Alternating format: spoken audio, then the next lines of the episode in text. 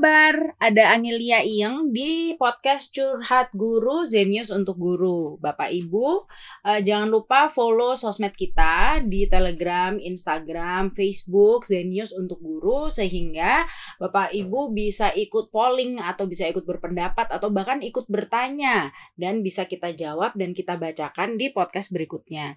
Podcast yang sebelumnya saya membahas tentang sebuah topik berjudul Pilih Kasih dan di uh, sesi sebelumnya uh, saya membahas apakah kita pernah menjadi korban pilih kasih. Jadi uh, sebagai anak atau sebagai pembelajar dulu kita pernah nggak sih uh, tidak difavoritkan oleh guru? Dan saya beruntung karena di sesi sebelumnya saya uh, ditemani oleh seorang narasumber namanya Mbak Tuti. Uh, beliau adalah guru kimia di sebuah sekolah di daerah Bogor. Nah, uh, hari ini saya super happy karena Mbak Tuti kembali bersama kita dan masih mengobrolkan pilih kasih. Mbak Tuti, apa kabar? How are you doing today? Hmm, I'm doing great. How about you? saya lagi lapar sih Mbak, terus terang. Oh. Mbak Tuti, apa makanan favorit Mbak Tuti? Atau lauk favorit Mbak Tuti? Sebenarnya my number one kasta gitu makanan hmm. itu adalah daging sapi sih sebenarnya. Daging sapi. Daging Dimasak sapi. apa aja? Uh, barbecue or rendang. Oh, Oke. Okay. Hmm. Nah, sadar nggak sih waktu saya tanya apa makanan favorit hmm. ya? Uh, kalau saya tanya siapa favorit um, siapa murid favorit Mbak Tuti jawab jawabannya akan semudah jawab daging sapi atau akan berpikir lebih panjang. Akan berpikir lebih panjang. Kenapa? Uh, it's because we talk about human here. Hmm. Like what I said before, human is really complex. Like you can't really explain with like silver bullet thingy bahwa ini tuh begini ini begitu. Berarti banyak banget uh, variabel variabelnya gitu. Even social culture, socio economics dan lain-lain gitu.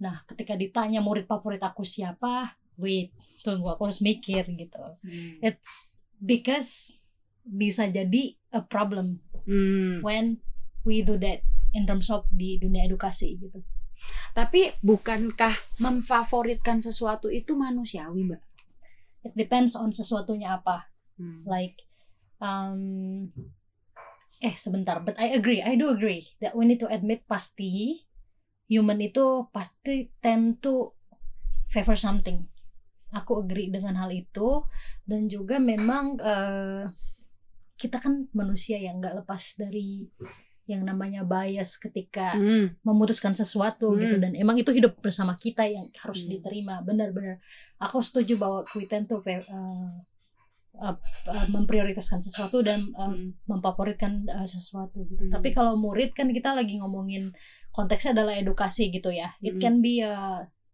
trait Hmm. Kalau we apa ya istilahnya lebih memfavoritkan uh, satu murid dibanding yang lain karena it might have like damage impact to them. Oh, I see. Kalau hmm. kalau bicara tentang uh, makanan favorit, pilih rendang ayam opor nggak sakit hati ya kan? Hmm. tapi kalau bicara tentang uh, murid favorit kalau kita jawab si A si B bisa jadi patah hati gitu ya. Patah hati. Hmm, iya okay. kalau yang tadi pakai sistem satu aja udah gak usah mikir. Kalau yang ini pakai sistem dua. Hmm. sistem satu sistem duanya David Kahneman. Ah itu apa? Jelasin dong apa oh, saya mau dengar ceritanya. Oh, sistem satu hmm. dan dua. Itu sebenarnya mungkin might related or not I don't know. Tapi ya itu hal menarik juga dalam kita uh, decision making gitu like this uh, memprioritaskan sesuatu gitu. Jadi uh, menurut bapak behavioral economics namanya David Kahneman dia juga yang bikin buku uh, Thinking Fast and Slow kalau nggak salah. Nah jadi ada du kita tuh bagi dari dua sistem gitu. Hmm. sistem satu itu uh, adalah ketika kita berpikir secara cepat. Biasanya kita pakai intuisi yang uh, resikonya nggak terlalu banyak kayak mau nentuin mau makan apa itu kan kayaknya nggak perlu pakai SWOT gitu ya. Oke, okay, oke. Okay. aku mau makan itu sistem satu. Sistem satu itu yang kayak ya udah yang cepat berpikir cepat. Uh, istilahnya kalau dianalogikan, uh, aku pernah dengar analoginya Afutami, si is environmentalist gitu, researcher. Nah dia bilang bahwa sistem satu itu diibaratkan kayak kamera otomatis. hmm. yang ya udah secara otomatis aja gitu kita lihat wah ini ada orang tatoan di jalan sepi lewat lari ya gitu. Itu sistem satu tuh. Karena kita nggak mikir itu uh, bisa aja bukan orang jahat gitu gitu ya yang natural. Jadi yang memakai kemampuan analisa hanya sedikit, sedikit itu sistem, sistem satu, satu. oke okay, I get this. Kalau sistem dua? Sistem dua tuh kayak kamera manual yang kita harus atur ISO-nya atur bukaannya gitu. Yang mana hal-hal detail hal-hal yang tidak kita lihat dan hal-hal yang tidak harus di take into account. Take into account kayak gitu. Oke okay, dan memfavoritkan uh, peserta didik adalah sistem dua. Kita harus pakai sistem dua seperti itu Oke, okay, uh, eh, uh, eh, menarik mm, dan uh, semoga gini sih, uh, yang barusan ini membuat saya sadar bahwa manusiawi untuk memfavoritkan, tapi bukan berarti boleh gitu. Betul. Ya kan? Nah, sekarang pernah atau tidak nih uh, Mbak Tuti dan um, audiens uh, sosmednya Zenius untuk guru pernah atau tidak. Nah, ternyata jawabannya cukup rata. 46% jawab pernah, 54% jawab tidak yang di Instagram. Sedangkan yang di Telegram 44% pernah, 56% menjawab tidak yang di Telegram. Sekarang Mbak Tuti, jujur tanpa tendeng aling-aling, pernah atau tidak pilih kasih ke peserta didik? Um, probably unintentionally I did. Unintentionally? Ya. Yeah. Oke. Okay. Yeah. Pernah? I did. Oke. Okay. Murid seperti apa yang Mbak Tuti lebih nyaman menghabiskan waktu bersama? um, I tend to like to discuss with uh, student yang have the same value with me, like uh, value or interest.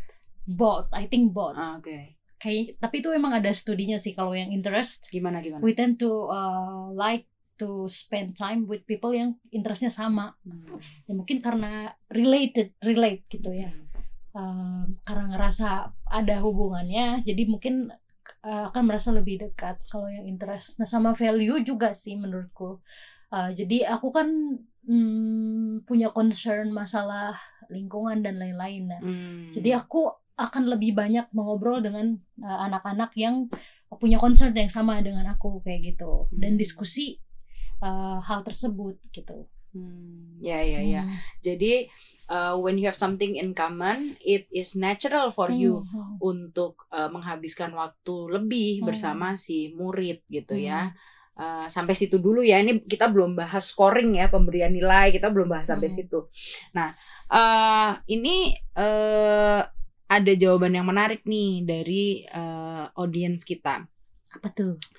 Jadi uh, saya jawabannya Bapak Ibu guru, saya menambahkan nilai untuk anak yang santun. Satu, hmm. itu menarik. Terus uh, yang kedua eh, anak-anak yang kognitifnya kurang tapi uh, punya perilaku yang menyenangkan, hmm. santun, hormat, suka membantu baik teman ataupun guru. Hmm. Itu uh, apa si Pak atau Bu gurunya ini uh, jadinya jatuh um, sayang gitu. Hmm. Seperti itu. Lalu ada juga nah ini perlakuan untuk siswa yang punya kekurangan fisik atau sosial. Nah, ini ada yang kesulitan nih, Mbak Tuti. Contohnya uh, kita itu kan punya kecenderungan hmm, kalau bicara ingin ditanggapi. Sedangkan kan anak-anak uh, kita ini nggak tidak semuanya bisa selancar atau semudah itu ya hmm. menanggapi kita ada yang mungkin punya keterbatasan sosial ada yang kita bisa berjalan mereka harus pakai kursi roda gitu sehingga uh, secara natural gitu hmm. secara natural mereka menjadi terkucilkan gitu hmm. nah menurut mbak Tuti apa ya yang bisa dilakukan atau pernah nggak itu terjadi gitu di sekolahnya Mbak Tuti dan hmm. apa yang ter, apa yang dilakukan sekolah sebagai sistem gitu. Hmm. Firstly sih aku sangat ngeliat ya sekolah aku tuh bukan tipe yang scoring like high stake scoring gitu nggak hmm. sih penilaian itu like disamaratakan kayak high stake melihat human dengan hanya si high stake uh, scoring but we also uh, see another um, factor gitu so that's why we use evaluation method as well jadi dilihatnya secara lebih holistik hmm. kayak like um, child with special needs misalnya hmm. itu kan kita tidak lihat itu sebagai favoritism justru hmm. nah ini sih sebenarnya uh, ada hal yang perlu kita pertanyakan juga uh, apa yang consider as favoritism apa yang enggak gitu hmm. for me uh, untuk ngasih treatment yang berbeda for uh, child with special needs, I don't think it's count as a favoritism because uh, apa yang dialami itu berbeda dengan anak-anak yang lain gitu. Jadi tentu treatmentnya perlu dibedakan. Tentu treatmentnya harus dibedakan justru kalau kita sama ratakan justru we're being unfair hmm. kayak gitu gitu. Hmm. Jadi harus dilihat lagi. Begitupun kalau kita jadi korban merasa kita being a, victim gitu ya mm-hmm. sebagai murid mm-hmm. uh, I think you need to question as well is that really favoritism mm. can you take a look closer mm. to that another student mm. dia tuh kenapa gitu dan itu tadi um, yang bisa dilakukan mencoba untuk melihat lebih dekat sebenarnya mengerti melihat lebih dekat sebenarnya kenapa dia ngasih treatment yang berbeda kayak yang tadi ada yang ADHD misalnya mm kan eh, nggak uh, mungkin ya kita kasih treatment sama kayak anak-anak yang secara kognitif uh, tidak tidak ada keunikan gitu. Mm-hmm. Kok tidak ada keunikan? Maksudku maksudnya secara kognitif uh, masih bisa dibilang uh, pada dasarnya gitu, ah. pada dasarnya ya, biasa sedang, anak-anak. Sedangkan hmm. uh, si uh, anak berkebutuhan khusus ini punya uh, ke punya tantangan ya, punya hmm. tantangan dalam dirinya gitu ya, sehingga uh, kita bicara pilih kasih konteksnya tidak bisa uh, apa penyamarataan perlakuan itu kita anggap adil tidak bisa seperti itu ya hmm, uh, Mbak Tuti. Ya ini menarik sih karena yang sama belum tentu baik gitu. Uh, karena setiap murid tantangannya berbeda-beda jadi kenapa nggak perlakuannya juga berbeda gitu. Hmm. nah kalau uh, ini berbasis gender Mbak Tuti. Hmm ini menarik juga sih.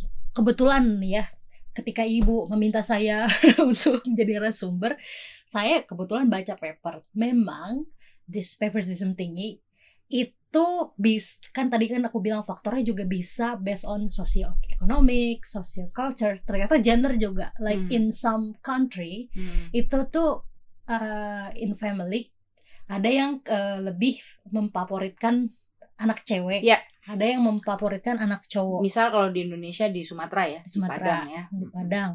Ataupun uh, beberapa ras lebih uh, prefer anak cowok gitu ya. ketimbang anak cewek. Ya. Nah, itu kan sesuatu yang tidak bisa terhindarkan karena memang udah jadi konstruksi turun temurun, ya. temurun hmm. gitu. Kecuali kita mau uh, mengeluarkan tenaga hmm. untuk mau duduk dan berpikir untuk di challenge hal seperti itu. Gitu. Hmm. Tapi sayangnya kan sepertinya nggak bisa langsung gitu mm -hmm. ya butuh pelan-pelan mm -hmm. uh, ngomongin hal itu. Oke. Okay. Hmm. Nah, Mbak Tuti sendiri pernah nggak diprotes uh, oleh anak murid, oleh orang tua, oleh uh, sesama guru atau mungkin kepala sekolah gitu karena uh, terlihat um, nyaman menghabiskan waktu dengan hanya murid-murid tertentu gitu. Hmm. Pernah tidak diprotes? Bukan diprotes sih lebih di kayak dipertanyakan hmm. so dulu aku sempat uh, nemenin anak belajar yang uh, completely interestnya itu beda banget dari aku gitu -hmm. dan hmm. secara personality I don't think I match but I still did, do I still did why I should -hmm gitu ya masih tetap uh, menghubungi dia ketika dia hilang hmm. aku cari hmm. bahkan nanya ke orang tuanya pokoknya segala jenis perlakuan ya aku samakan aja gitu dengan yang lain gitu hmm. tapi uh, dalam hati gitu ya kan tidak bisa dipaksakan bahwa sepertinya aku bukan orang yang nyaman dengan uh, anak murid ini hmm. tapi secara resource secara uh, apa ya hubungannya dengan bentuk pembelajaran dan lain-lain tetap disamakan tapi tidak bisa dibohongi bahwa sepertinya aku memang tidak cocok dengan anak ini gitu hmm. dan hmm, I don't know mungkin itu uh, natural gitu ya ketika uh, berbicara dengan anak murid yang concernnya sama aku lebih nyaman gitu hmm. tapi in terms of resource uh, aku akan selalu memberikan hal yang sama. Tapi in terms of empathy nah ini sih emang empati itu memang hal yang paling sulit dan paling dibutuhkan untuk uh, proses pembelajaran gitu di sekolah apalagi during this pandemic gitu ya. That's the most important thing uh, untuk menjadi orang yang baik dan sangat powerful gitu di kala hmm. pandemi ini gitu. Nah itu susah sih sebenarnya dan susah juga untuk dipaksakan gitu ya.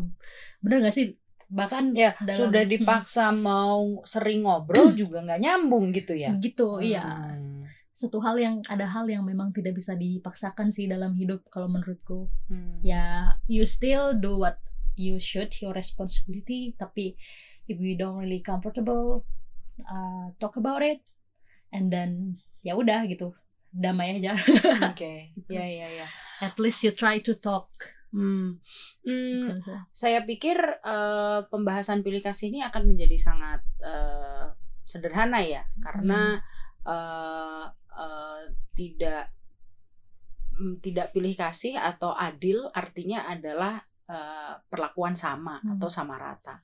Eh ternyata nggak bisa sama juga karena ternyata setiap murid uh, beda-beda hmm. atau kalau ke anak mungkin contohnya kalau kita orang tua kita punya anak dua yang satu senang uh, berenang yang satu lagi pernah senang karaoke gitu ya hmm. senang menyanyi uh, kita nggak bisa dibilang adil kalau dua-duanya kita kasih panjat tebing hmm. gitu sesuatu yang mereka sama-sama nggak suka hmm. ternyata tidak semudah itu yang pertama yang kedua oh ternyata lagi menjadi pilih kasih atau memfavoritkan sesuatu itu uh, manusiawi kok. Memang ada dalam diri kita gitu. Nalurinya memang ada dalam diri kita.